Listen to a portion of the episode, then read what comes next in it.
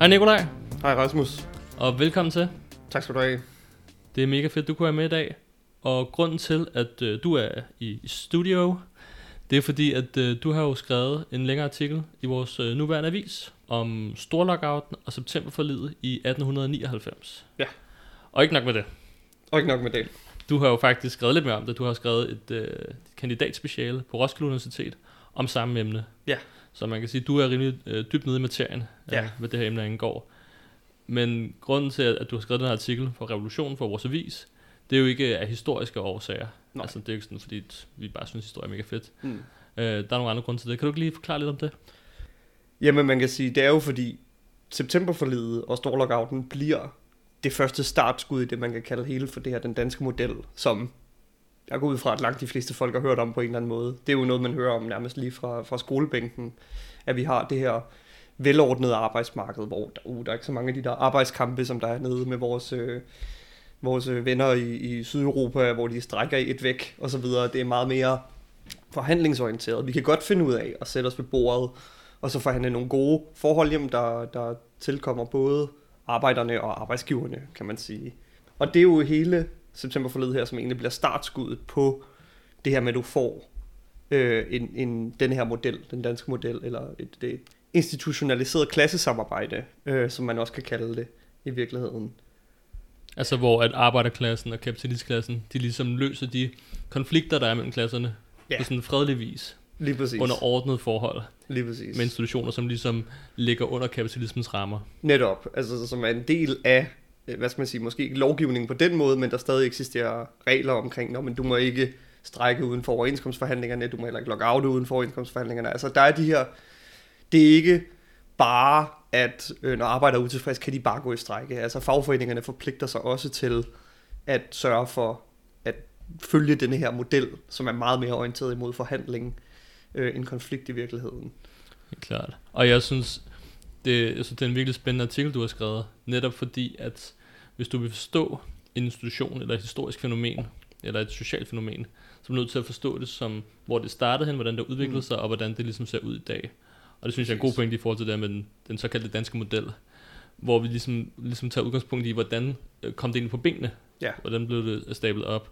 Og det synes jeg, man kan gøre i forhold til mange andre spørgsmål, hvis man er på sådan noget som EU, så kan du ikke bare kigge på det, hvordan det ser ud på overfladen. Du er ligesom nødt til at gå ned i dybden og forstå det, hvordan det startede. For eksempel, at det europæiske samarbejde startede som et, et handelssamarbejde udelukkende, og så er det så udviklet sig videre. Uh, og sådan synes jeg, det er med mange, mange fænomener. Man bliver ligesom nødt til at gå i dybden med det. Med nærmest alle de fænomener, vi har i dag, faktisk. Præcis. Lige præcis. Um, men det er mega fedt, at du i hvert fald er kommet hen for at fortælle lidt om, hvordan det her, som du siger, institu- institu- institutionaliseret, det er et meget svært ord, Ja, det er meget svært ord. klassesamarbejde, ligesom, øh, ligesom kom, kom på benene. Ja. Øhm, netop fordi det er noget, der fylder så meget i, i Danmark og i den danske, kan man sige, arbejderklasse og arbejderbevægelses selvforståelse. Mm. Men skal vi ikke så starte med starten? Start med starten, ja. Lige præcis. Og, og man kan sige, det her septemberforlig, det, det kom jo til i, i 1899, Mm. over 100 år siden. Men kan du fortælle lidt om årtierne op til, hvad der ligesom var gået forud, hvordan, hvad, hvad var situationen i Danmark og i den danske arbejderbevægelse? Ja, selvfølgelig. Det tror jeg også er fuldstændig essentielt for at kunne forstå, hvad der sker under storlockouten, og hvad septemberforledet egentlig er for en størrelse. Og i virkeligheden så burde man jo gå mange 100 år tilbage, men, men øh, jeg synes, vi skal starte i 1870'erne, hvor du har i 1871, der blev dannet det, der er forløberen for Socialdemokratiet. Det hedder på det tidspunkt den internationale arbejderforening i Danmark. Øh, så det blev dannet eksplicit som en del af, af første internationale, som jo er den her første, ja, som navnet antyder, internationale arbejderforening, der blev opsat af Karl Marx og, og Friedrich Engels i virkeligheden. Og det blev stiftet af en øh, person, der hedder Louis Pio, og to af hans øh, makkere, øh, Paul Gelef og Harald Brix, som er, det er ligesom Pio, der er drivkraften meget i det her. Øhm, og de danner ligesom den her politiske forening. De er også med til at starte gang i mange fagforeninger, der bliver dannet på det tidspunkt. Og du har i virkeligheden sådan for alvor arbejderpartier og arbejderbevægelsen, der begynder at, at øh, blive en ting i Danmark, kan man sige. Så det er det startskud på den danske arbejderbevægelse. Ja, lige præcis. Og, og arbejderklassen er vel også i sin spæde begyndelse på det, Det, tidspunkt. det er det, i det. På det her tidspunkt, der har du, øhm, man kan sige, på den nationale plan, jamen, der har du en markant øgning i industrialisering også, og du har de her store virksomheder, der kommer op, Og du har også kendte sådan kapitalisters navne, som det er relativt kort tid efter Titgen for eksempel er død. Og mange af de her store, tidlige, ja sådan store industrialister, store kapitalister i Danmark. Øh, og du har også det her skift, politiske skift på banen, hvor det er jo i den her periode, øh, det her godsejerparti, der sidder på magten, Højre, som er forløberen for konservative, som sådan set regerer et diktatur sammen med Christian den 9., som er kongen på det her tidspunkt. Men du har en stigende, øh, hvad hedder det, tilslutning til partiet Venstre som er jo det her liberale parti, øh, og som ja, stadig eksisterer i dag, men, ja. men som er det her borgerlige demokratiske parti på det her ja, tidspunkt. Og som havde base blandt bønder og så videre, ikke? Har base blandt ja. bønder, men også i stigende grad begynder at få base hos nogle af de her arbejdsgivere øhm, i virkeligheden. Så du har, ja, Danmark er sådan på vej ind i at blive et moderne, industrielt, liberalt samfund på en eller anden måde. Og samtidig med, at de her industrier vokser frem, jamen, så vokser arbejderklassen jo også i Danmark. Landet er stadig primært bestående af bønder øh, på det her tidspunkt, men arbejderklassen begynder også at udgøre, hvad skal man sige, en vis tyngde Øh, økonomisk set i hvert fald. Altså meget mere værdierne bliver skabt på fabrikkerne, det er ikke naturale økonomi længere ud fra landbrug og de her forskellige aspekter. Så det spiller også en ret stor rolle i, at arbejderklassen begynder at vokse frem for alvor, og begynder den her proces med at finde sine egne klasseinteresser i fagforeningerne og i øh, ja, partiet, øh, Socialdemokratiet, som det kommer til at hedde senere. Mm. Og vi har jo det her, det her borgerlige samfund i Danmark, og vi har jo en grundlov og alt muligt, så vi burde jo have sikret vores ja. demokratiske rettigheder. Men hvordan reagerer den herskende klasse på, på det her unge socialdemokrati og den unge arbejderbevægelse generelt set her jamen, i 70'erne? Jamen, kan man sige? Det flipper helt ud, øh, okay. kan man kalde det. ja. Fordi det er rigtigt, altså du burde jo være sikret af grundlov og alle de her liberale du ved, friheder til at øh, associere dig, som du vil, eller foreningsfællesskab øh, og pressefrihed og de her slags ting, men det er ikke virkeligheden. Og det er jo også fordi, at Danmark er stort set et diktatur lige nu. Men kort sagt, så bliver hvad skal man sige, borgerskabet eller kapitalisterne i Danmark mega bange over øh, denne her øh, fremvækst, der ligesom er i arbejderbevægelsen.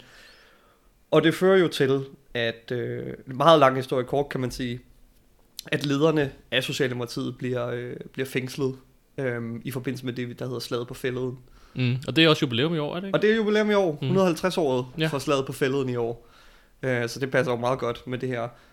Men ja, lang, lang historie kort, de indkalder til det her stormøde på fælleden, i forbindelse med, jeg tror det er en strejke eller arbejdsløshedsbevægelse, noget i den du har fredelig demonstration, der er sådan set ikke noget i det, men politiet vælger at erklære den ulovlig, øh, fordi de er bekymrede for, hvad den ligesom kan udvikle sig til.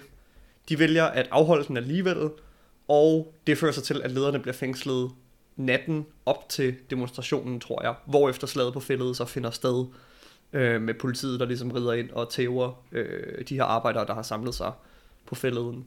Øh, og lederne bliver som sagt fængslet, sidder i fængsel i halvandet år, to års tid, tror jeg det er, isolationsfængsel. De bliver meget syge af det, og de ender som er bliver løsladt, fordi de faktisk er så syge, så de er ved at dø, og man vil undgå det her med at skabe martyrbilleder af de her øh, Gelef, Brix og, og Piu. Og så kan man sige, de fortsætter så arbejdet med at organisere sådan nogle ting, og igen, det samme sker stort set. Staten bliver mega bange for dem, kapitalisterne bliver mega bange, de bliver erklæret ulovlige, og truet med fængsling.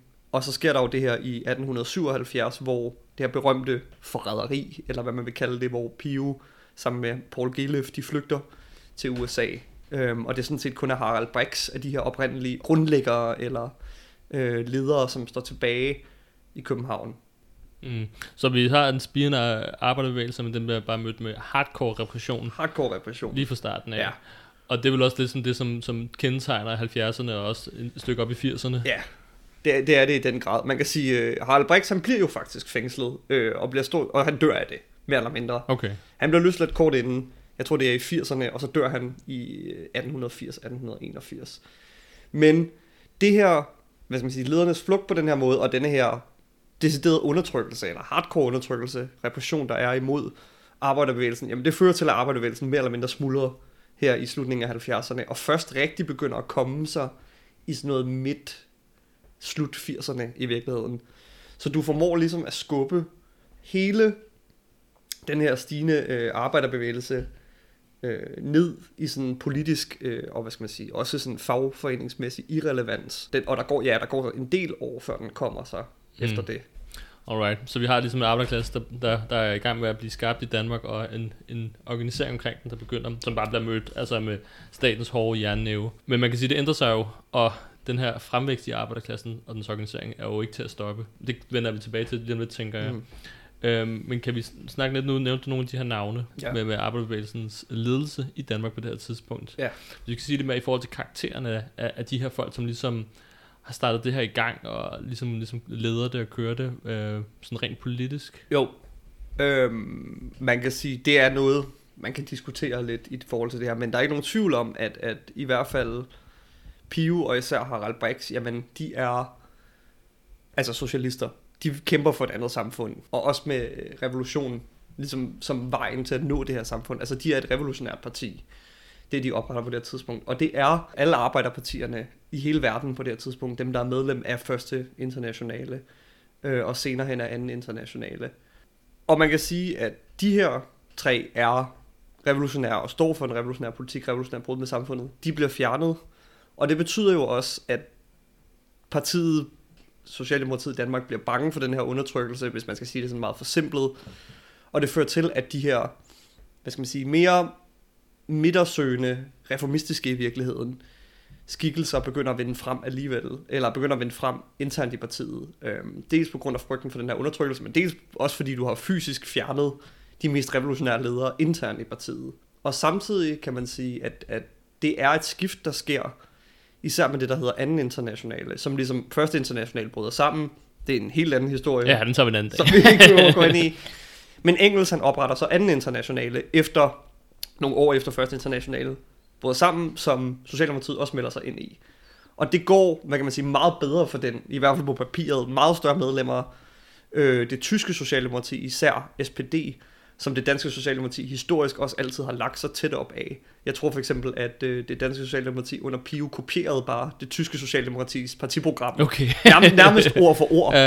Uh. Øhm, men så ja, anden internationale opstår ligesom, og det danske Socialdemokrati melder sig ind i det, og det begynder at gå bedre for det danske Socialdemokrati.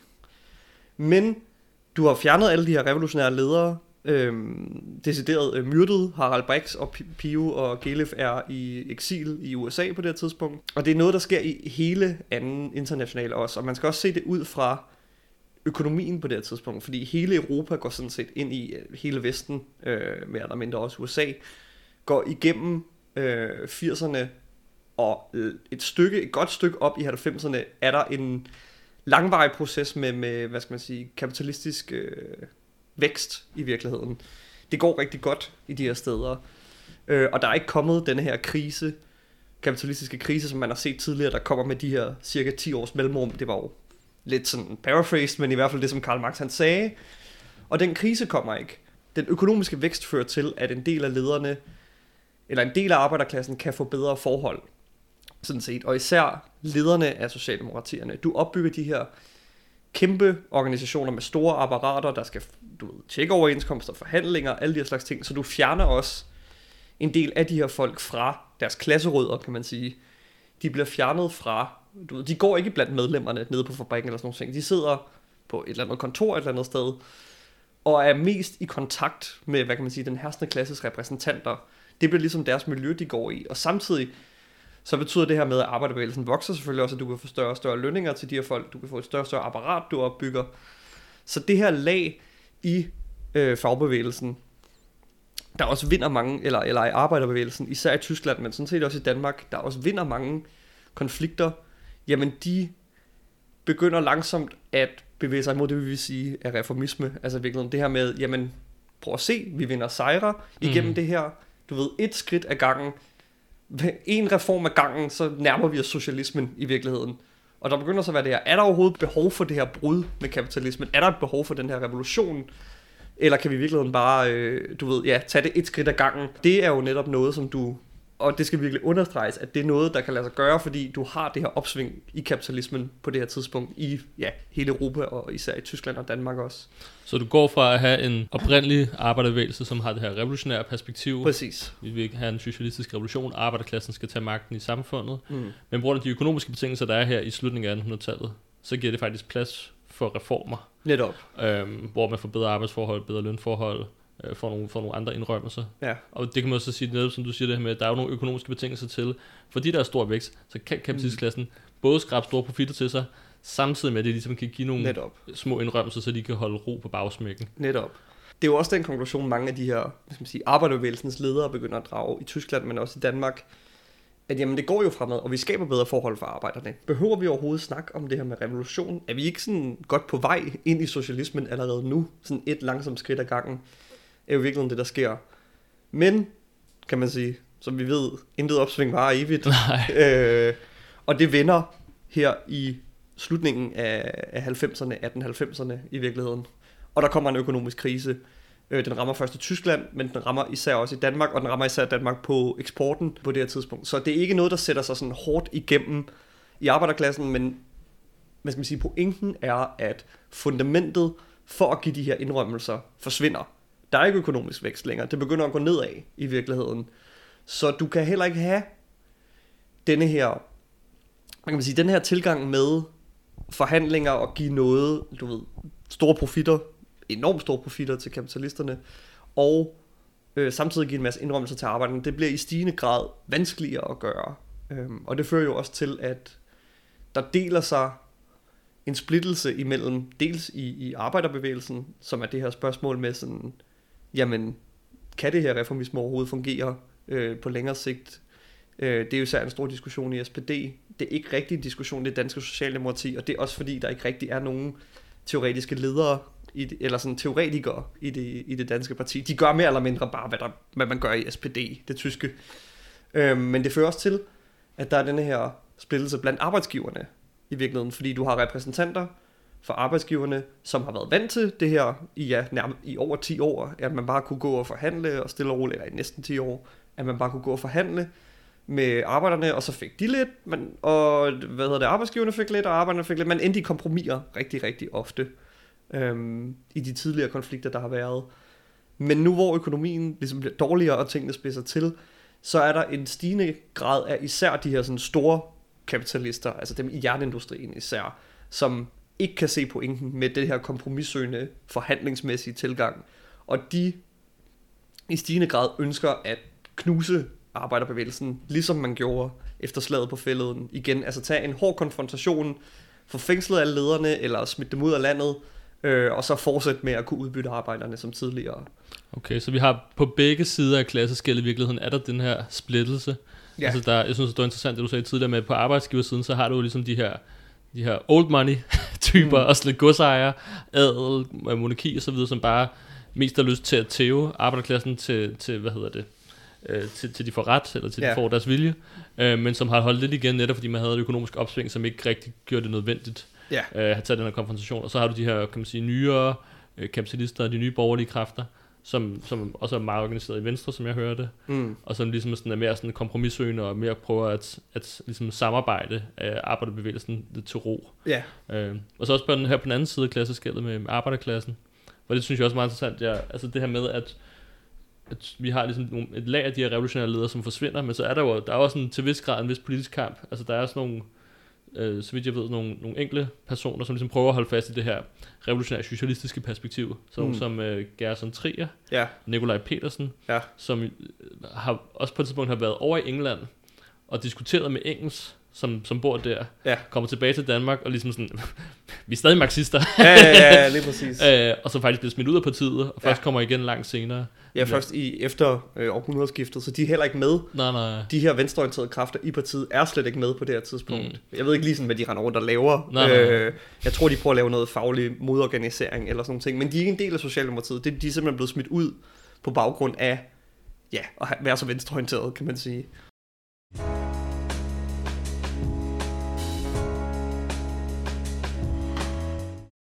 Du lytter til Revolutionære Socialister, Danmarks marxistiske podcast om aktuelle begivenheder, teori og historie.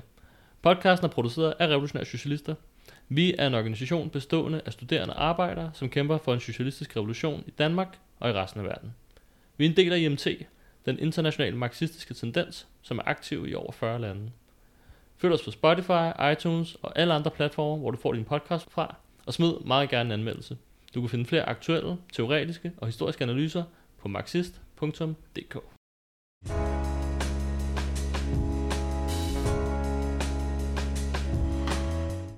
Alright, så vi har de her to sider af klasseskældet.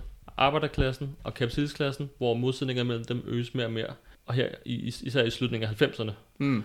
Øhm, hvor at, at der ligesom ikke er, at, at der ikke er råd til, at alle ligesom kan få det, som de har lyst til. Nej, og det udtrykker sig også i en anden vigtig øh, tendens, kan man sige. Altså arbejderklassen er, du ved, back in business nu, eller arbejderbevægelsen er for alvor. Mm-hmm. Øh, du har, Socialdemokratiet går fremad på den politiske front. Jeg Ja. mener, at der er et folketingsvalg i 1898, hvor de fordobler deres mandattal fra 4 til 8, for eksempel. Og igen på trods af, der er altså stadigvæk censur og undertrykkelse af arbejderbevægelsen, alligevel formår de at gå fremad Mm. og fordoble deres mandattal.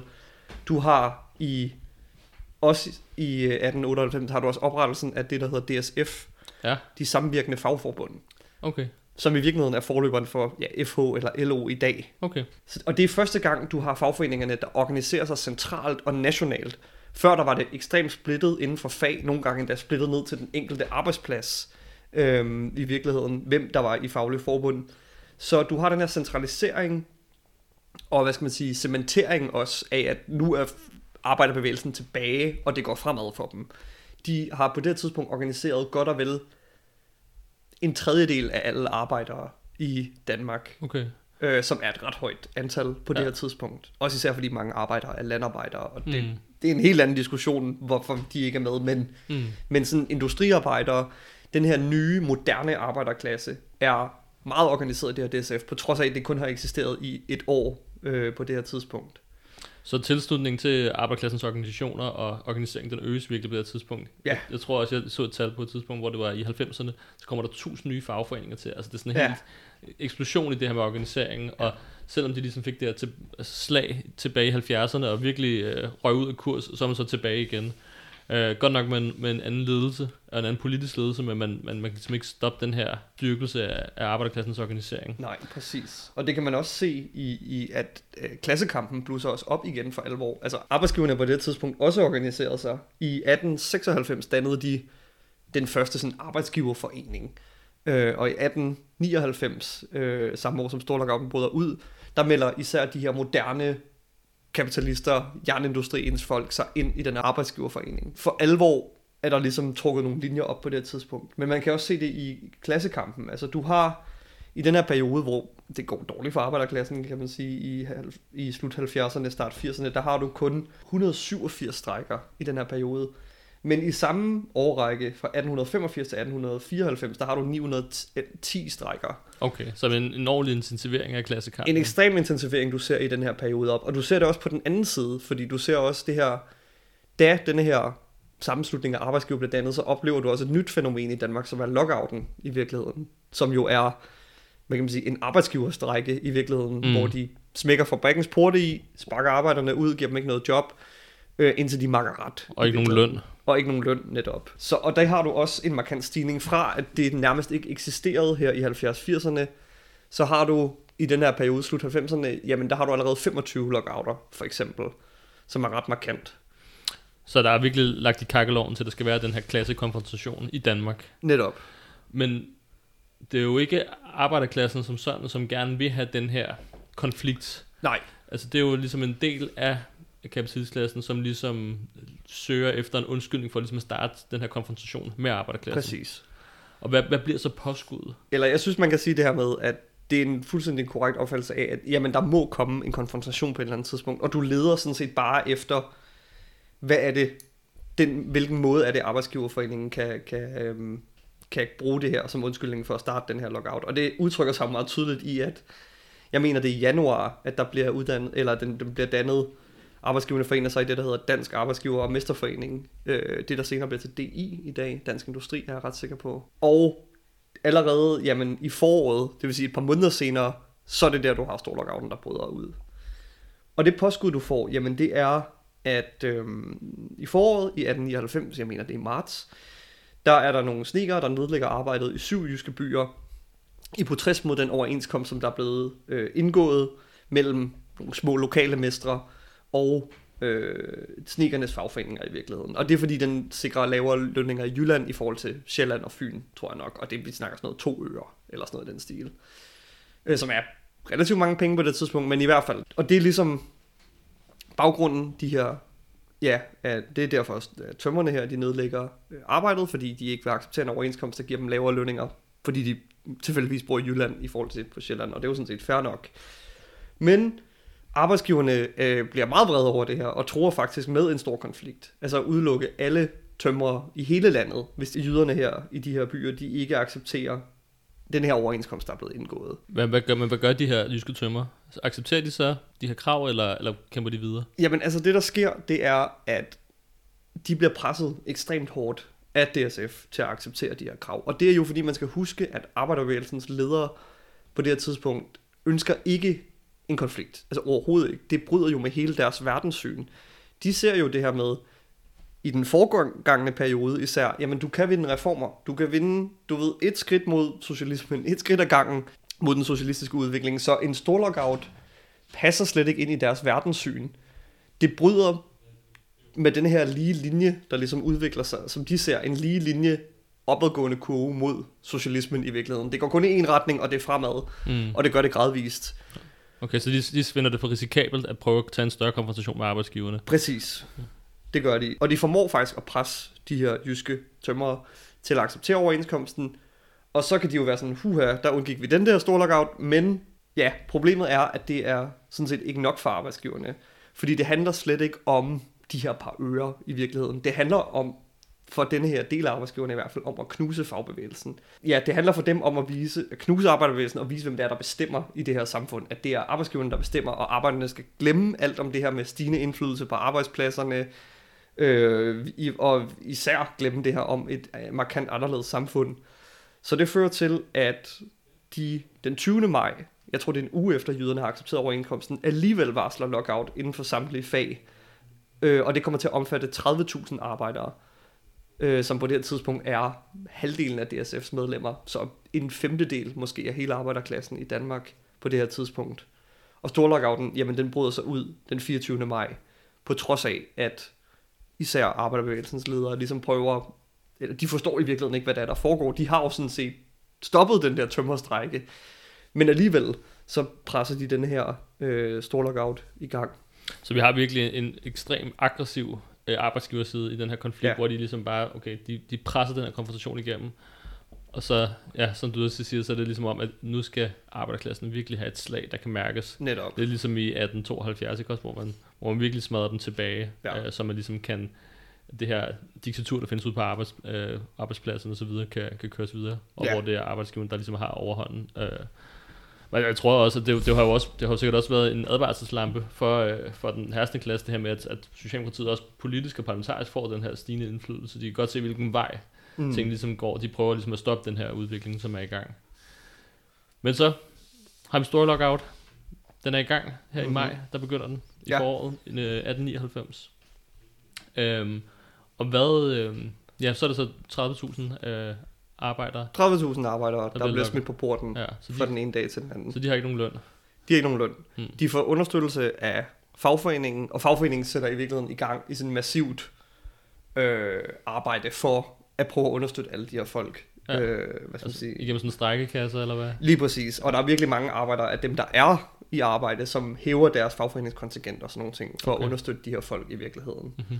Øhm, men ja, konflikten bryder ud her, og det skaber jo ekstremt bred forvirring, især med arbejderbevægelsens ledere øh, på det tidspunkt. Formanden for DSF, der hedder Jens Jensen, på det tidspunkt, han har faktisk et ret venskabeligt forhold til Arbejdsgiverforeningens formand, som hedder Niels Andersen. Okay. Øhm, de, og det er fordi, de begge to taler meget for den her forhandlingskurs. De har altid været vant til, at de kunne forhandle sig til, at den her stor lockout ikke brød ud. Fordi der er jo spor tidligere i historien også, hvor det er tæt på at komme til en stor konflikt. Øh, i, op, jeg tror, det er tre gange fra igennem hele 90'erne. Du har en øh, malerstrække, mener jeg også det er, og jernindustrien lockouter også sine arbejdere. Og hver gang er det sådan lige på nippet til at blive til den her store konflikt. Men så mødes Jens Jensen og Niels Andersen og giver hånd og finder et eller andet kompromis, som sjovt nok ingen af siderne er tilfredse med. Nej, men det er jo også den her, den, det, det, er jo, det er jo personificerer også det her klassesamarbejde på sin vis, ikke? Fuldstændig. Fordi at, at, at ham og Jens Jensen, han har jo også fået bedre og bedre forhold som en af de fagforeningsledere, i takt med, at man ligesom har kunnet få nogle indrømmelser, og arbejderbevægelsen er gået frem. Netop, ja. Og de ser jo, øh, eller de, har, og de er jo to personer af en anden tid. De personer er en tid med opsving, hvor du godt kunne gøre de her ting. Og de er, og du ved, Jens Jensen, han tør flere gange samtaler med Niels Andersen, og, og man kan mærke i deres korrespondencer, i brev, at Niels Andersen er bare sådan, det her, det er ikke min skyld. Det er, øh, vi har tabt flertallet den her sådan freds forhandlingssøgende samt klassesamarbejdsfløj inde i Arbejdsgiverforeningen har tabt øh, flertallet i virkeligheden, og man kan mærke, at Niels Andersen, han vil virkelig ikke det her. Jeg mener også, at han bliver sendt på tunge kurophold lige i starten af konflikten. Okay. og så tager næstformanden over, der hedder Revent Lov, som er meget mere hardcore. Ja. Øhm, i, men, men det kan vi også komme tilbage til. Nogle mm. af de sindssyge ting, han gør under Og- konflikten.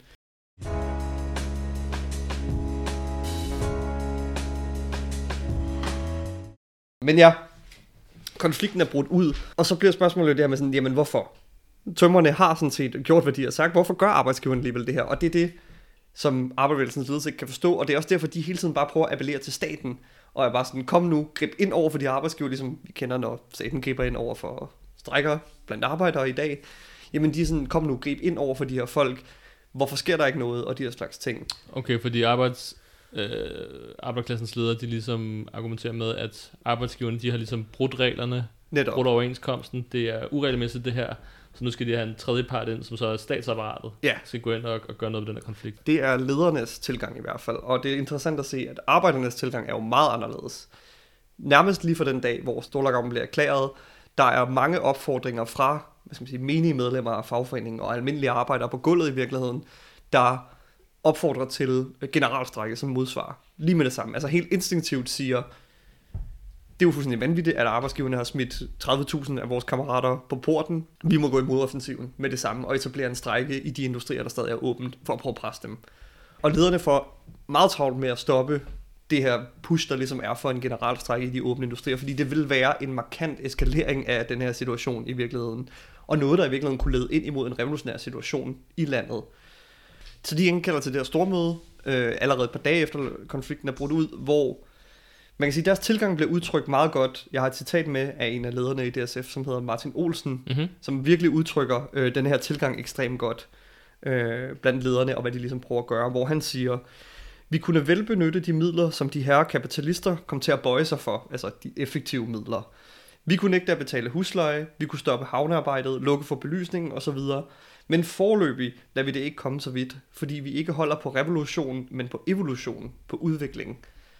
Okay. Og det er en virkelig god opsummering af hele deres tankegang. Hele den her reformistiske tilgang. Præcis, og de Mm. ved jo godt, som han også udtrykker det, han kalder det de midler, som de vil komme til at bøje sig for, altså en generalstrække. Han ved godt, at det vil stoppe det med det samme, og så er han bare sådan, nej, fordi det er ikke sådan, vi ser verden. Vi ser ikke det her behov for en revolution, for et brud, eller bare ja, en generalstrække, der kunne presse arbejdsgiverne i virkeligheden hårdt nok til at prøve at stoppe den her offensiv, som de sådan set har i gang med imod arbejdernes forhold. Hvad gør arbejderlederne så i stedet for? Jamen, det som arbejdsgiverne kræver for at få lockouten afsluttet, de siger jo ikke åbent, at det er, at fagforeningerne ophører med at eksistere. Det de kræver, det er øh, de her berømte otte punkter, som man måske har hørt om, hvis man kender lidt til perioden, som sådan set er otte ultimative krav, som arbejdsgiverne sender frem, og hvad har fagforeningen til at acceptere for, at konflikten den simpelthen bliver afsluttet. Øhm, og mest, og man kan diskutere, jeg synes ikke, det er særlig spændende at gå ind i alle de her krav, men det mest omdiskuterede af de her krav, både sådan i historieforskning, men også sådan fagligt interessant, det er det her krav nummer to, som man kan kalde det, som siger, at arbejdsgivernes ret til selv at lede og fordele arbejdet fuldt ud anerkendes og garanteres af arbejdernes hovedorganisation. Okay. Så det arbejdsgiverne, de vil ligesom have garanti for arbejderklassens organisationer om, at de styrer ultimativt ud på arbejdspladserne. Præcis. Og at fagforeningerne skal arbejde på den måde. De skal opgive den her idé om, at arbejderne kunne kontrollere produktionsmidlerne, kunne kontrollere fabrikkerne, Mm. basalt set. Altså de her socialistiske tanker, som går tilbage fra Marx og så videre. Ja, ja, det er jo i virkeligheden en, prøve, en måde at sikre sig, at det bestående samfund fortsætter på den her måde. Og de vil have, at fagforeningerne skal, skal ligesom garantere det. Hvordan stiller arbejderlederne sig så over for de her otte punkter? I starten Mm. afviser de dem og siger, jamen det kan vi ikke gå med til, fordi det her, det her, det første krav for eksempel handler om, at alle overenskomster skal ophøre om vinteren. Øh, og det vil jo sige, at arbejderne står sultne og uden vand og varme og mad. Ja. Øh, og så er det jo rimelig meget nemmere at forhandle en dårlig overenskomst på plads. Øh, Eller det er nemmere for arbejdsgiverne at forhandle en god overenskomst fra deres perspektiv ja. Ja. på plads for dem, fordi folk er desperate. Ja. Det siger de selvfølgelig nej til, at det kan de ikke, fordi ja, det er åbenlyst. Krav 2, der er de bare sådan, men det mener vi jo allerede det her. Bortset fra, at der er et eller andet, de snakker om noget med, at det vil øh, ødelægge akkordarbejde, eller sådan meget, meget sådan teknisk øh, fagligt. Men de siger basalt set, jamen vi har aldrig nogensinde påstået noget andet end det her. End at selvfølgelig skal arbejdsgiverne lede og fordele og anvende den arbejdskraft, som de finder passende til det. Og jeg tror, det er der, det der akkordspørgsmål kommer ind, fordi de er sådan, "Nå, det kan man, så kan man udbytte akkorden. Det er ikke så vigtigt. Pointen er, at jamen, de er klar til at godtage øh, stort set alle de her krav med nogle formalia, kan man sige, hvor de vil gerne have ordlyden ændret lidt. Øh, Og de pointerer, at de har altid ment det her. okay, så de, øh, de kommer ikke med nogen modkrav, eller hvordan er det? Altså, de, de, de sidder bare med de der krav, og så prøver lidt at, at, at hvad Jamen, hedder de- det, file den lidt af. Ja, det er jo ret sjovt, fordi de kommer faktisk med nogle af de her sådan, formalia i første omgang, og så siger arbejdsgiverne, niks, I skal tage det her, de her otte punkter i deres ordlyd, ellers så fortsætter konflikten. Og så, jeg tror det er et par uger ind i den, så er det sådan, okay, vi tager dem med den her ordlyd. Øh, og så er arbejdsgiverne sådan, pis, det var jo ikke, fordi deres formål er jo ikke bare det her med at binde fagforeninger, de vil allerhelst Mm. knuse dem. Så de finder ligesom på en ny undskyldning for, hvorfor konflikten skal fortsætte. Så siger de noget i retning af, du ved, arbejderne er fordrukne og dogne, og det er også svært. Altså, de bliver ved med at rykke, hvad skal man sige, uh, the goalpost, uh, milepælen for, hvornår du ligesom kan stoppe den her konflikt. Og arbejderlederne hver gang er nede på deres knæ og bare sådan, ja, vi tager imod det her øh, overenskomst. Okay, så der er slet ikke noget modstand for arbejderlederne i forhold til det her. Der er ikke noget modstand for arbejderlederne rigtigt. Men der er modstand iblandt medlemmerne, kan man sige. Fordi som den her konflikt trækker ud, især øh, da du ligesom når ind i, i juli og august, hvor lockouten også bliver udvidet faktisk, med først i juli øh, 10.000 arbejdere til, og så i august med mellem 10 og 15.000 arbejdere. Det er lidt svært at sige. Altså det er jo noget gammelt, vi er tilbage i gamle dage her, så kildematerialet er lidt mangelfuldt. Men i hvert fald er det sådan næsten hele DSF, altså hele FH, der er lockoutet her i juli og august. Og det begynder at, du kan jo begynde at mærke konsekvenserne af at være lockoutet, så længe strækkekasserne er ved at løbe ud, på trods af donationer, også fra arbejderbevægelsen i andre lande, der jo hører om det her. Det her det er jo en verdensbegivenhed, nyhed. Du kan læse i de uddanske presse sådan noget med, arbejdsgiverne har startet revolutionen i Danmark, og sådan nogle ting kan du læse i den tyske og engelske og amerikanske presse. Altså det er verdensbegivenhed, det her. Men på trods af alt det her, jamen så begynder pengene ligesom at slippe op, og sulten og sygdommen begynder i den grad at melde sig blandt arbejderne. Folk begynder faktisk at dø af det her. Der er en ret interessant øh, artikel i den avis, der hedder Nationaltidene, som ikke er et arbejderblad. Det hedder Socialdemokraten på det her tidspunkt. Øhm, som i august bringer en artikel, hvor der står, stor dødelighed blandt børnene. Ved stifterettens protokol er der i dag anmeldt som døde 36 børn under et år, hvilket er det største antal, der er anmeldt på en dag. Som vil sige nogensinde. 36 børn. 36 børn under et år på en dag, altså okay. spædbørn, som dør på, på baggrund af det her. Så det er simpelthen på grund af, at, at på grund af lockouten, så er folk, arbejderne begyndt at sulte. Præcis. Og, og især det her med, du er i den her situation, hvor du skal vælge, skal jeg købe mad til mit barn, eller Ja. mad til mig selv. Ja. i virkeligheden. Og der er en ret god, øh, øh, også et interview i Socialdemokraten med formandet for landets største sygekasse på det her tidspunkt, som giver en forklaring på, jamen hvorfor sker det her? Og han siger, øh, han bringer ligesom en, en historie op, som han har her fra sommeren i 1899, hvor han siger, Forleden så henvendte et sygekassemedlem sig til sygekassen med forspørgsel om børnemel, som er det, vi vil kalde børnemad i dag, eller du ved, det der pulver. Du har børn. Du, du ved, ja, hvad det er. ja, ja, yes, yes. ja. Øhm, vedkommende havde et 6 måneders barn, der lægen var ordineret to doser børnemel om ugen, hvilket er lige med 3 kroner. Medlemmet, der er lockoutet, har stadig købt det fornodne børnemel til barnet, men nu, efter tre måneders arbejdsløshed, kniber det selvfølgelig hårdt for ham. Børnemel er den eneste næring, som barnet kan tåle, men da dets forsørger er hensynsløst kastet på gaden, må barnet bukke under. Det Okay. skriver han altså direkte. Ja, altså, så det har nogle direkte dødelige konsekvenser for arbejderklassen Præcis. og arbejderklassens børn. Det gør det. Ja, helt bestemt. Altså det, 36 børn, der dør på en dag, som er det største antal, der nogensinde er meldt. Og det er ikke normalt, at folk dør. Altså jo, folk dør i arbejderklassen af sygdom og sult og sådan nogle ting. Det er ikke fedt at være arbejder i slut 1800-tallet. Men det er som regel om vinteren. sjovt nok, hvor du har mangler sygdom er mere normal, du mangler varme og de her slags ting. Der, er, der plejer ikke at være dødsfald, og heller ikke blandt børn, altså om sommeren, medmindre der er en pandemi i gang, eller epidemi i gang på det her tidspunkt. Så det er 100%, at arbejdsgiverne simpelthen har smidt de her folk på porten, og der simpelthen bare ikke er mad nok, og pengene er ved at slippe op i strækkekassen.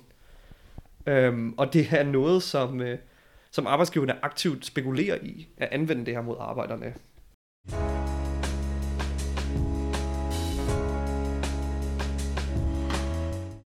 I Revolutionære Socialister har vi ingen rige bagmænd og får heller ingen støtte fra kommune, stat eller noget andet sted. I modsætning til alle andre politiske organisationer er vi 100% økonomisk uafhængige. Det kan vi kun blive ved med at være på grund af støtte fra vores medlemmer og støtte fra arbejdere og unge, der sympatiserer med os. Folk som dig. Vi håber derfor, du har lyst til at støtte vores arbejde med et økonomisk bidrag. Gå ind på rebosok.dk-bliv-medlem. Her kan du blive B-medlem, hvor du overfører et fast beløb om måneden og til gengæld får vores avis. Det vil være en kæmpe hjælp i kampen for en bedre verden, i kampen for socialisme.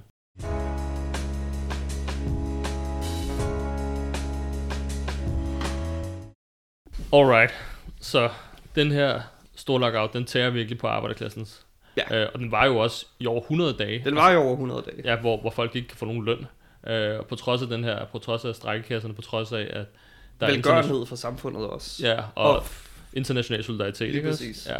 Men det er jo noget i forhold til, at, som du siger, det her med at arbejdsgiverne ligesom spekulerer lidt i det her med mm. Mm. at prøve at, at tvinge arbejderklassen ud i en fuldstændig desperat situation. Ja. Øhm, og det er vel også noget i forhold til at give dem en undskyldning for at slå endnu hårdere ned. Der er ikke nogen tvivl om, at man prøver at sulte dem til enten en accept af de her forhold, som basalt set ville ja, kræve, at arbejderbevægelsen dropper målet om socialisme og giver arbejdsgiverne fuldstændig kontrol med arbejdspladsen, øh, og mere eller mindre også ophæver strækkeretten, osv. osv. Øhm, eller decideret at prøve at fremprovokere en opstand i blandt arbejderne, for at kunne alle slaget på fælleden, sætte militæret ind og sige, puh, de der arbejdere der, de er pisse farlige, de er samfundstruende, øh, og de er fyldt med alt det her socialistiske propaganda. Vi bliver simpelthen nødt til at slå ned på dem, fængsle alle lederne, ulovliggøre Socialdemokratiet, og så køre bussen bare videre, som den har gjort før. Mm, så man ligesom tvinger arbejderklassen ud i, til kan man sige, fremprovokere ja. en eller anden form for modstand, som er en undskyldning for, at man så fuldstændig kan smadre dem. Præcis, og det er der øh, beviser på. Der er en artikel i Socialdemokratiet, de bringer lige i starten af lockouten godt nok, som er øh, i forbindelse med en anden konflikt. Jeg tror artiklen hedder de tre gange det kom tæt på, altså tæt på en, en stor konflikt. Og der er i forbindelse med den der jern-lockout, som jeg tror er i 1896, lockout i jernindustrien, hvor et svensk borgerligt blad har snakket med øh, politidirektøren, som er den afgående politidirektør i København på det tidspunkt, Ja. øh, men som er politidirektør på det her tidspunkt. Og det her svenske blad, det spørger åbent sådan om, hvad vil I gøre, hvis nu arbejderne laver opstand? Og han er bare sådan, det vil være fint, vi vil bare nakke dem alle sammen. Eller sådan. Okay, så det er allerede nogle planer, de har i skuffen. Præcis, og man skal også huske på, det her tidspunkt, det er jo kun 20 år efter Pariserkommunen er faldet i 1872, hvor arbejderne lavede en opstand, tog magten og blev nedslagtet. Øh, 1871. 1871, ja, det er Men ja. rigtigt. Men så det er jo kun små 20 år efter det her, ikke? Så den herskende klasse er jo sindssygt bange for, at det kan gentage sig, at Paris og kommunens spøgelse hjemsøger dem virkelig i virkeligheden. Så de er klar til med gevær i hånden at nakke vanvittigt mange mennesker for at holde styr på det her samfund. Fordi de føler ikke, at de sidder særlig stabilt i sadlen på det her tidspunkt. Og det var også det, der var effekten efter Paris Kommune. Det var jo, at 10.000 vis af arbejdere og deres familier blev slået ihjel, for at sætte et eksempel. Og det tog lang tid for den franske arbejderbevægelse at rejse sig igen oven på det her nedstakning. Ja, det er jo sådan den ekstreme version af slaget på fælleden på en eller anden måde, ikke? hvor der, så vidt jeg ved, ikke døde nogen i hvert fald. Men i hvert fald, at du fik knust arbejderbevægelsen. Og det er jo det, du er bange for. Du er bange for, at de der arbejdere kunne rejse sig hele tiden, øh, når de ligesom får nok. Alright, men vi, vi har ligesom den her sindssygt desperate situation for arbejderklassen. Ja. Men det betyder så også på den anden side en, en radikalisering Ja. i arbejderklassen. Det er klart. Altså, folk begynder jo at se deres spædbørn dø, deres øh, familiemedlemmer ligge syge, de begynder ikke at kunne få mad nok. Og de der arbejdsgiverledere, de har jo på det tidspunkt i august, der har strækken jo varet i næsten de 100 dage nu, ikke? Den har varet i tre måneder på det tidspunkt, i virkeligheden. Og de her ledere er bare blevet ved med at rende til forhandling med arbejdsgiverlederne. Så kommer de tilbage igen og bare sådan, ah, men vi kunne stadig ikke lige få noget på plads, vi prøver, eller sådan ikke. Igen også den der afstand fra deres medlemmer, som de her ledere ikke kan indse. Og de bliver ved med at tale til 1. maj, for eksempel, øh, og til grundlovsdag, hvor de bare sådan, nej, men hvis de ikke lytter denne her gang, så begynder vi at tage udvidet kampskridt i brug, ikke? Og det sker bare aldrig. Altså, de er til så mange forhandlinger, hvor arbejdsgiverne bare sådan, så kan I glemme det, kan I. Og, og der sker bare ikke noget. Altså, jeg synes, der er et citat, som der er en smed, der skriver i deres øh, fagblad kort efter konflikten blev afsluttet, som opsummerer den holdning, der er i, hvad skal man sige, blandt de almindelige arbejdere i høj grad. Og han skriver, havde vi dengang etableret en almindelig generalstrække, var vi sikkert kommet til en afslutning i løbet af kort tid. En afslutning med lige så godt et resultat som det foreliggende, altså septemberforledet, og måske også bedre. Okay. Ja, og det illustrerer i virkeligheden den holdning, der begynder at udbrede sig i arbejderklassen. Så arbejderklassen er klar til ligesom at lave nogle modtræk i forhold Ja. til arbejdsgivernes offensiv. Netop. De bliver ligesom i midten af, i starten af lockouten, er der det her push for, jamen vi skal have en generalstrække. Og så siger deres ledere, som de har meget tiltro til, fordi de har også forhandlet gode resultater hjem til dem og sådan noget, nej det er fint, vi snakker med det der øh, forhandlingsudvalg, vi skal nok finde en løsning, bare rolig, vi har loven på vores side, det er arbejdsgiveren, der har brudt reglerne, det finder vi ud af. Og det kommer bare aldrig. Så arbejderne, hvad skal man sige, slapper lidt af der i sådan i juni, starten af sommeren. Men igen, sulten og de her tomme løfter for lederne, der aldrig materialiserer sig i en løsning af konflikten eller en optrapning af konflikten, jamen det presser jo folk ud i den her situation, hvor de begynder i højere og højere grad at have mistillid til deres ledere. Og lederne begynder faktisk så småt at miste kontrollen med de her arbejdere. Okay. Hvordan bliver det grafisk øh, illustreret? Jamen mest grafisk bliver det illustreret, fordi at arbejderlederne faktisk prøver sig med en lille bitte offensiv imod arbejdsgiverne i forhandlingslokalet, vel at mærke. Okay. Ikke på jorden. Nej, nej. nej, nej. Det er ikke vanvittigt, det her. Men de prøver at øh, sige til arbejdsgiverne, jamen hvis vi skal acceptere de her krav, så skal I også acceptere 9 timers arbejdsdagen. Hvad er arbejdsdagen på det her tidspunkt? 12 timer. Okay. Mellem 10 og 12 timer. Ja. Den er ikke officielt sat som noget, men det er meget normalt, at du arbejder 10 eller 12 timer, og også har hjemmearbejde i øvrigt. Altså du har et lille Okay. værksted, hvor mester så kan, når du kommer hjem som mester, sådan, du skal lige sørge for at have de der øh, træplykker færdige, Øh, når, inden du møder op i morgen, ikke, ikke? det er du ikke noget på fabrikken der. Nej, nej, lige Ja, præcis. Altså, du skal også lige lave lidt slavearbejde derhjemme øh, for mester i virkeligheden. Okay, men så arbejdslederne de kommer til med et modspil. Hvis vi skal acceptere de her otte krav, så skal vi have 9 timers arbejdsdag. Præcis. Øh, og man kan sige, så siger øh, arbejdsgiverne bare sådan, nej, det kan I glemme alt om, og så lederne bare sådan, okay, fint. Så, så glemmer vi alt om det. Ja. Og det her 9 timers krav er lederne jo presset af medlemmerne til at fremsætte som en slags undskyldning for, hvorfor de her forhandlinger skal trække ud. Altså de siger, jamen vi prøver jo også at få noget til jer, så please have lidt tålmodighed, og du ved, lad være med at øh, smide alle de der geværer, I er ved at samle nu, eller altså sådan, stop de her opstandens generalstrække snak. Nu prøver vi sgu også at vinde noget for jer. Men arbejdsgiveren, de siger bare sådan, det kan I glemme alt om, og så er arbejderlederne bare sådan fint, og trækker sig tilbage, og det skaber jo ekstrem furore blandt medlemmerne. Altså det bliver kun benzin på det her bål med mistillid til ledelsen. En af de bøger, eller nærmest den eneste bog, der er skrevet om sådan storlockouten, altså selve konflikten, er skrevet af en historiker, der hedder Carsten Nielsen, og han har en rigtig god beskrivelse af arbejdernes accept af det her. Fordi da det her krav om en 9 timers arbejdsdag bliver trukket tilbage, man skal igen huske, det er det arbejds, arbejde, eller arbejderlederne har fremsat som årsagen til, at man stadig skal vente lidt og holde tilbage og vente på forhandlingerne. Da det bliver trukket tilbage, så er der så meget furore blandt arbejderne, at de er simpelthen tvunget til at indkalde til et stormøde, der har 1000 delegerede, altså fra DSF i fagforeningen, 1000 delegerede fra forskellige fagforeninger, der møder ind til det her stormøde. Og der giver ham her, Carsten Nielsen, en ret god beskrivelse af det her møde. Han skriver, i forvejen var stemningen spændt og splittet omkring afståelsen af 9 timer kravet.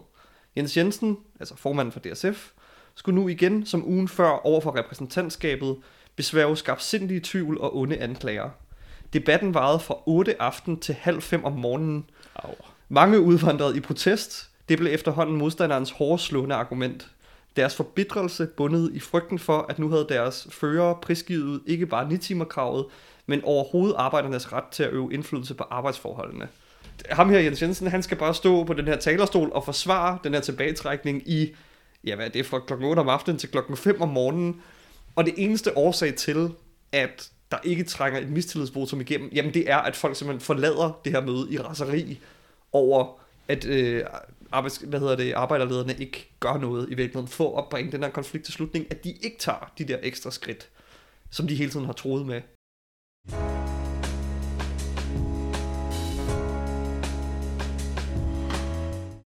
Alright. Så situationen tilspidses mere og mere. Ja. Men der kommer et forlig. Og det kommer. Der kommer et forlig, og Det kommer 5. september. Det er derfor, det hedder september det er derfor, der hedder septemberforliget. Øhm, men hvor- hvordan kan det så være, at, at, at, at arbejdsgiverne lige pludselig bliver vel- velmodige og gerne vil indgå for lige? Ja, det er jo, du ved, the million dollar question. Ja. Fordi de, der ligger ikke nogen referater fra de sidste, især de sidste dage af møderne i forhandlingslokalerne her. Enten så ligger de i øh, Danske, Danmark, Dansk Arbejdsgiverforenings arkiver øh, og er ikke kommet frem, eller også er de gået tabt. Jeg tror mest, de er gået tabt. Men vi ved, at der nok er nogle forskellige faktorer, der har noget at spille med det her. Vi ved, at Niels Andersen, altså arbejdsgivernes formand, han har været op og snakke med kongen. Man ved ikke, hvad de har snakket om. Okay. Men lige op til det her forlig har han været op og snakke med kongen.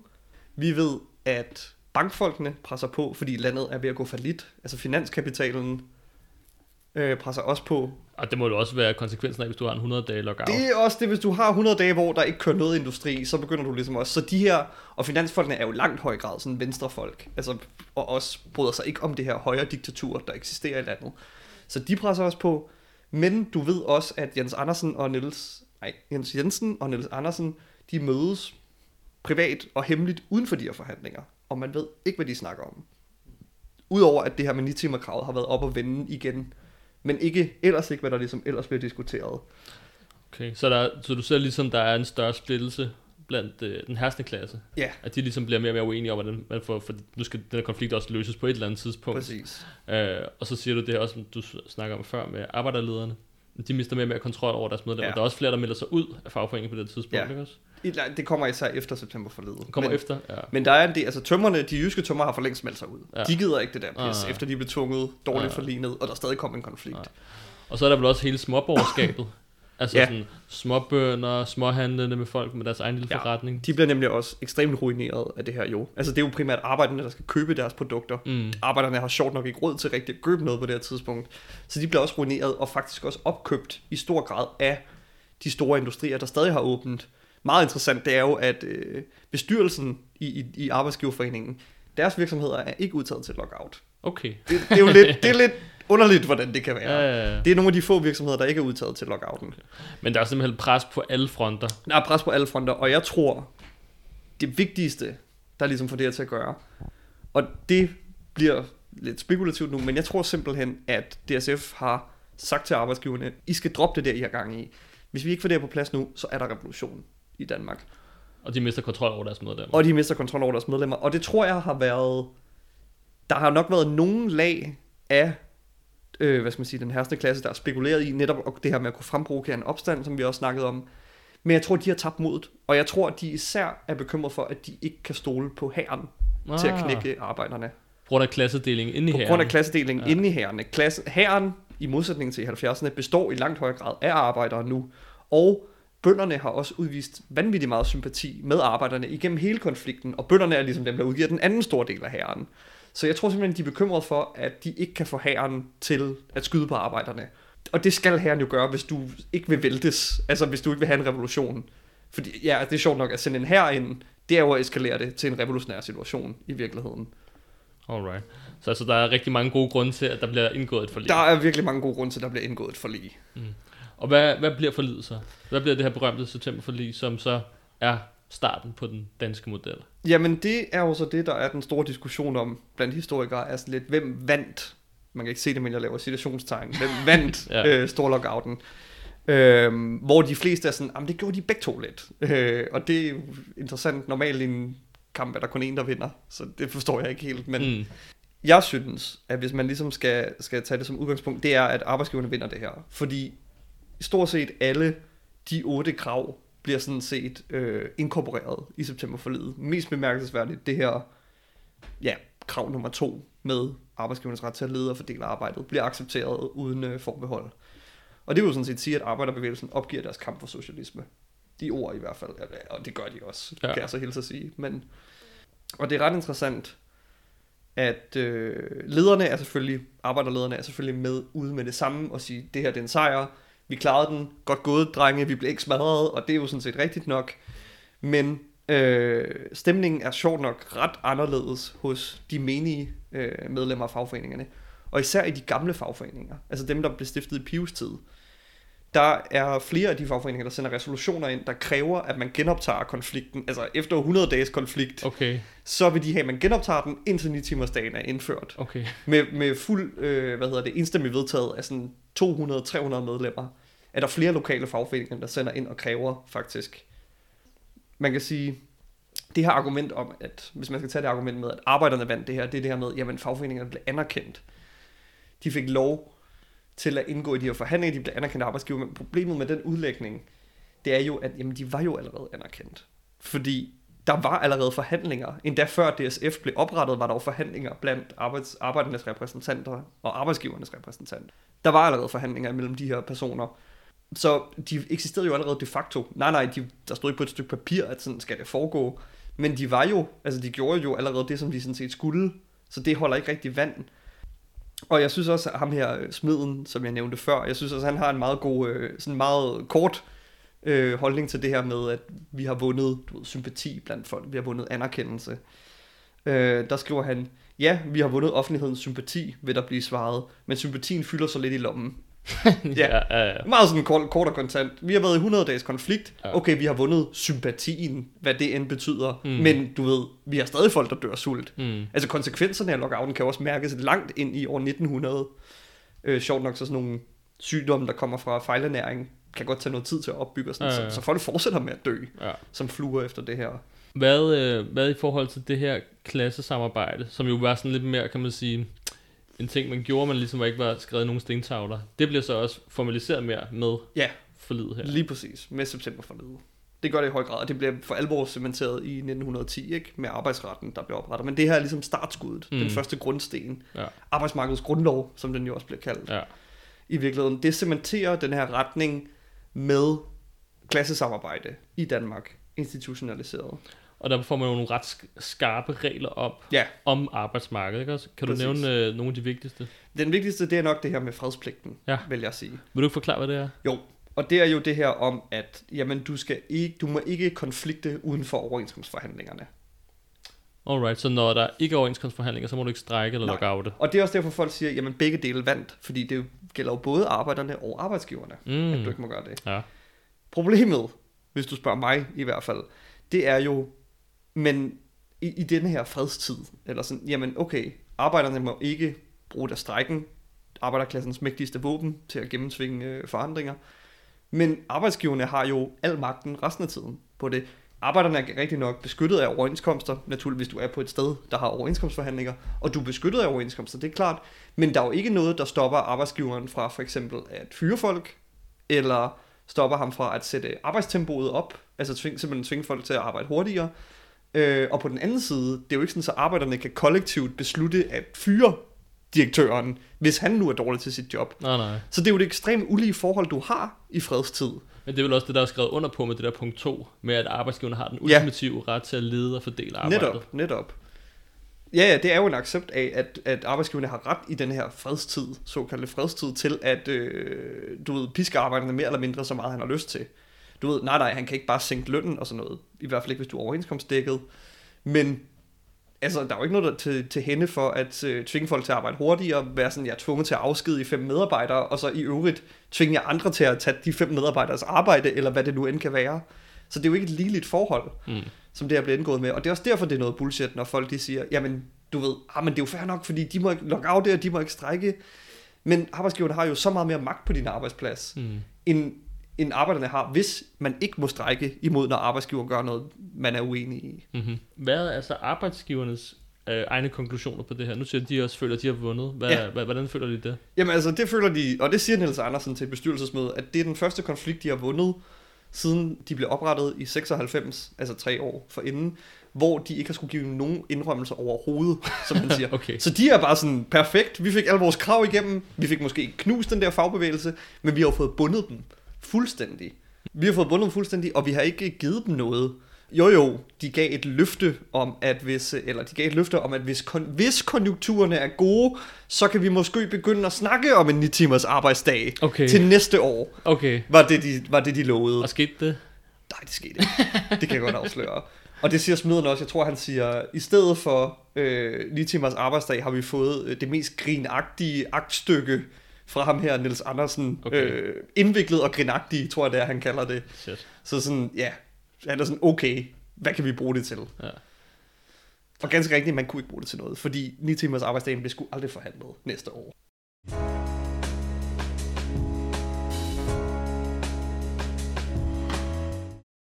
Klimakatastrofe, krige, stigende inflation og økonomisk krise.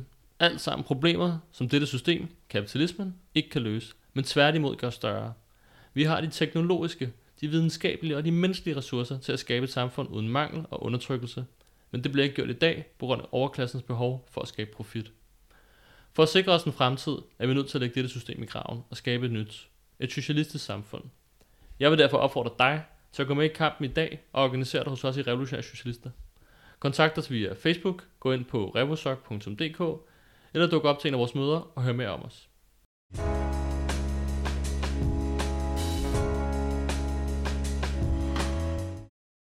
Så vi har september for livet.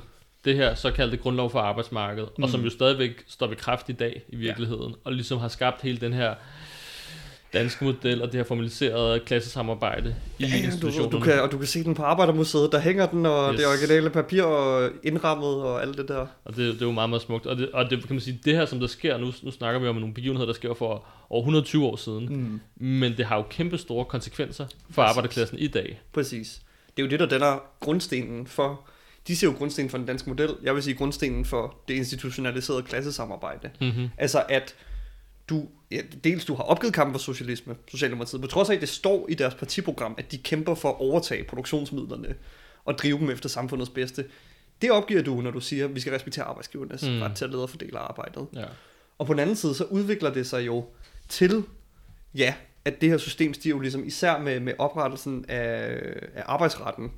Den her udvikling, den har ligesom to konsekvenser, fordi på den ene side, der får den i stigende grad arbejderklassen til at forlade DSF i hobetal.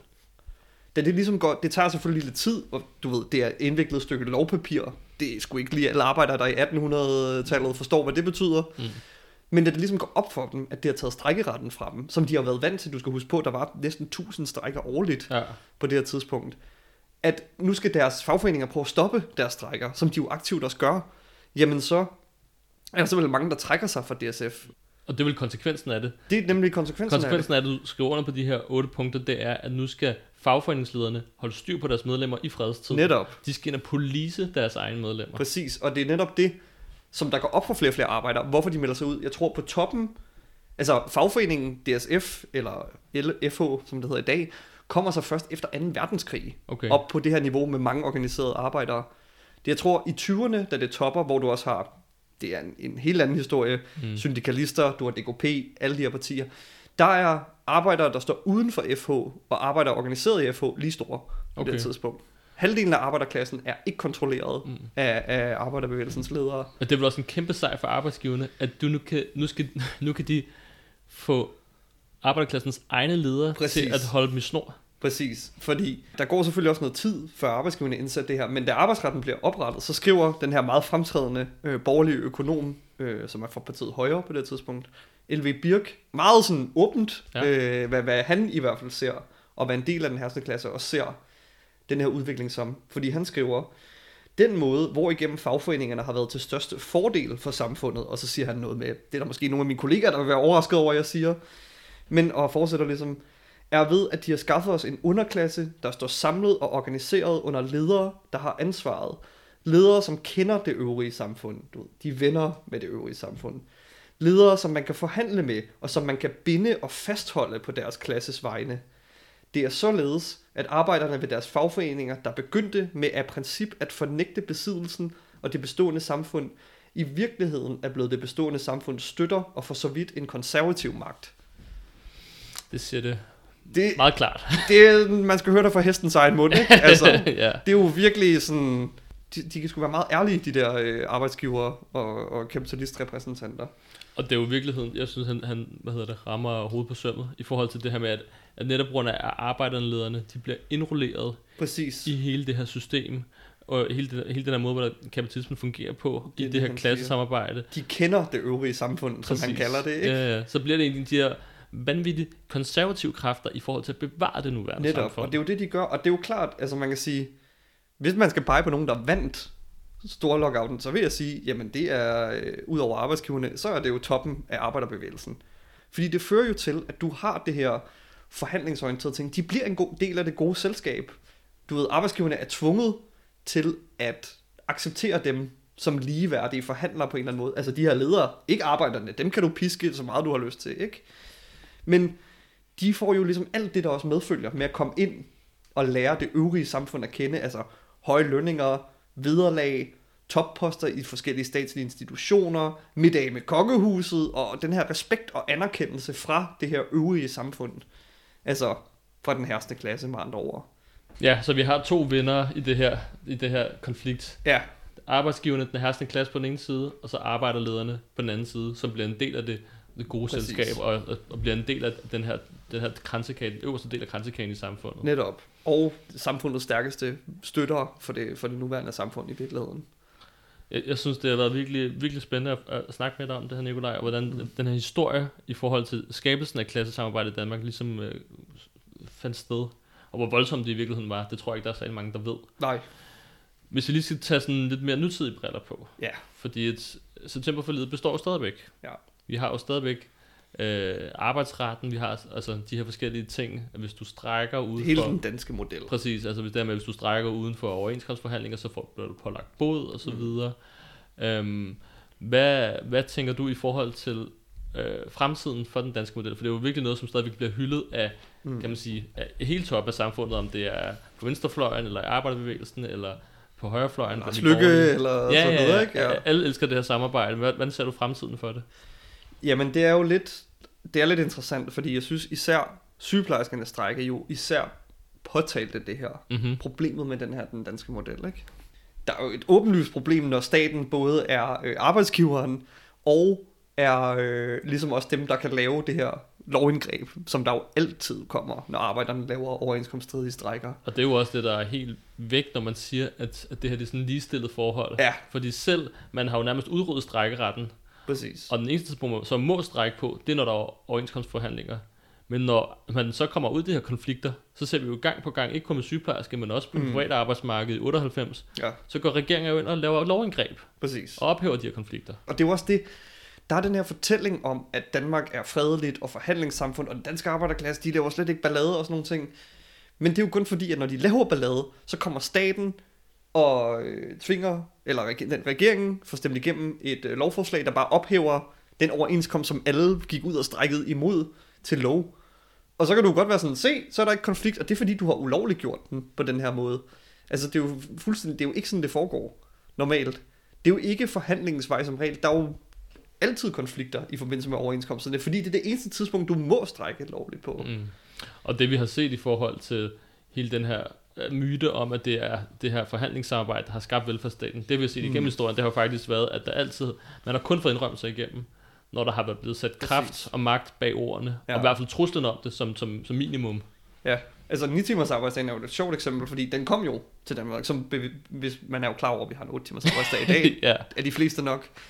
Men den kom jo i, jeg tror det er 1920, øh, men ikke fordi DSF forhandlede den på plads. Det kom rundt om, at arbejdere rundt om DSF, de øh, organiserede ekstremt militante kampe og demonstrationer og strejker, der gennemførte den her i virkeligheden. Og DSF prøvede aktivt at modarbejde den bevægelse. Og også på der er en revolutionær bølge, der var i Europa på det tidspunkt. Præcis, det er også det, man skal huske. Den russiske revolution er lige sket, og den tyske revolution er sådan set stadig i gang øh, på det her tidspunkt. Så det er jo også det, at jamen, revolutioner har været en rigtig god måde at få indrømmelser og reformer igennem på, eller truslen om revolution i hvert fald. Men jeg synes også, det er spændende i forhold til, at du bringer op sygeplejerskerne. Mm. Fordi vi var faktisk meget aktive i, i strækken. Ja. Øhm, og når, når man var ude at tale med sygeplejersker, så var det jo flere og flere, der sagde, den danske model virker ikke. Mm. Øh, det, det er ikke noget, som, som er i vores interesse. Nej. Og det bliver jo et kæmpe problem for den her klasse i Danmark, hvis det går op for flere og flere lag af arbejderklassen, at den danske model ikke er til for dem, men til at binde dem. Det er sjovt, ikke? Ja, og den konklusion, som mange drager på det, jamen det er jo ligesom, de gjorde til øh, stormødet i 1899, det er simpelthen bare at forlade det, at smutte fra fagforeningerne. Ikke? Mm. Det her med at være sådan, hvorfor skal man være med i en fagforening i dag? Der er mange arbejdere, der drager den konklusion. Der er meget snak. Nu er jeg selv fagligt aktiv og sådan nogle ting. Der er meget snak. i fagbevægelsen, det er sådan, hvordan får vi vendt den her skud og sådan noget. Åh, hvad, det ved jeg ikke, skal vi ikke øh, sponsorere Tour de France, når de skal køre igennem Danmark, eller ja. du ved, give billetter til Superligaen, eller sådan noget med. Og det er jo ikke sådan, du bibeholder dine medlemmer. Det er ved at vinde resultater for dem. Og på den måde, så er der et kæmpe paradoks i hele den her den danske model og grundlaget for det. Fordi ligesom da man prøvede at starte det spæde klassesamarbejde ud i 1890'erne før storlockouten, men så kunne du gøre det her, da der var penge til det. Da du havde efterkrigsopsvinget, hvor du kunne give noget til arbejderklassen, og du kunne stadigvæk tjene store profitter til kapitalisterne. Men den danske model fungerer kun, hvis en stor del af den danske arbejderklasse er organiseret i de her fagforeninger, hvis opgave er at holde dem i ro. Hvis arbejderne ikke er organiseret i de her fagforeninger, så vil den herskende klasse i stigende grad spørge, hvad skal vi bruge det her til overhovedet? Hvad skal vi overhovedet bruge de her fagforeninger, de her aftaler, vi har med de faglige ledere til? Det er det her forhandlingsstrategi. Hvorfor prøver vi ikke bare at smadre de der arbejdere så meget vi kan, som de har gjort tidligere? Og det paradoxale er, at for at have en høj organisering, ikke? det er derfor alle flygter fra fagforeningerne nu, og hen i de gule fagforeninger også. Og lederne, de prøver jo at finde alle mulige undskyldninger for, hvad det kan være. Ah, men det er fordi, det er for billigt, folk er dogne, folk er usolidariske. Det skulle da fordi, lederne ikke kan levere nogle resultater. Mm. Tænk på OK20, tænk på OK21, mm. de lønstigninger, der er blevet forhandlet hjem der. Jamen, inflationen har allerede et dem op. Mm-hmm.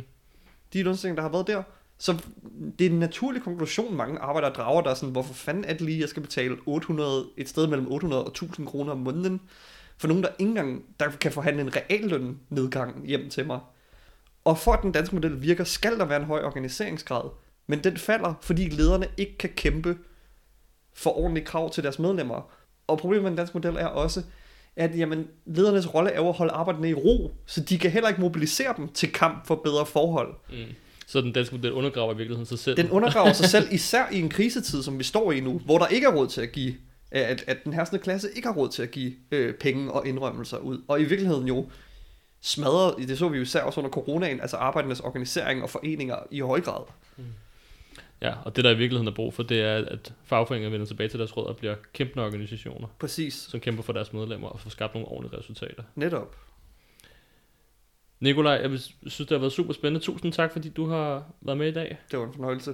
Det var virkelig fedt at få belyst uh, hele det her historiske i forhold til, hvordan den danske model opstod. Så jeg vil sige tusind tak for dig, og fordi du kom med. Ja, tak fordi jeg måtte være med. Selvfølgelig. Og tusind tak til jer, der lyttede med. Jeg håber, I har fået rigtig meget ud af det, og jeg håber, I vil give os en, en anmeldelse der, hvor I hører podcast. Tusind tak for i dag. Vi høres med.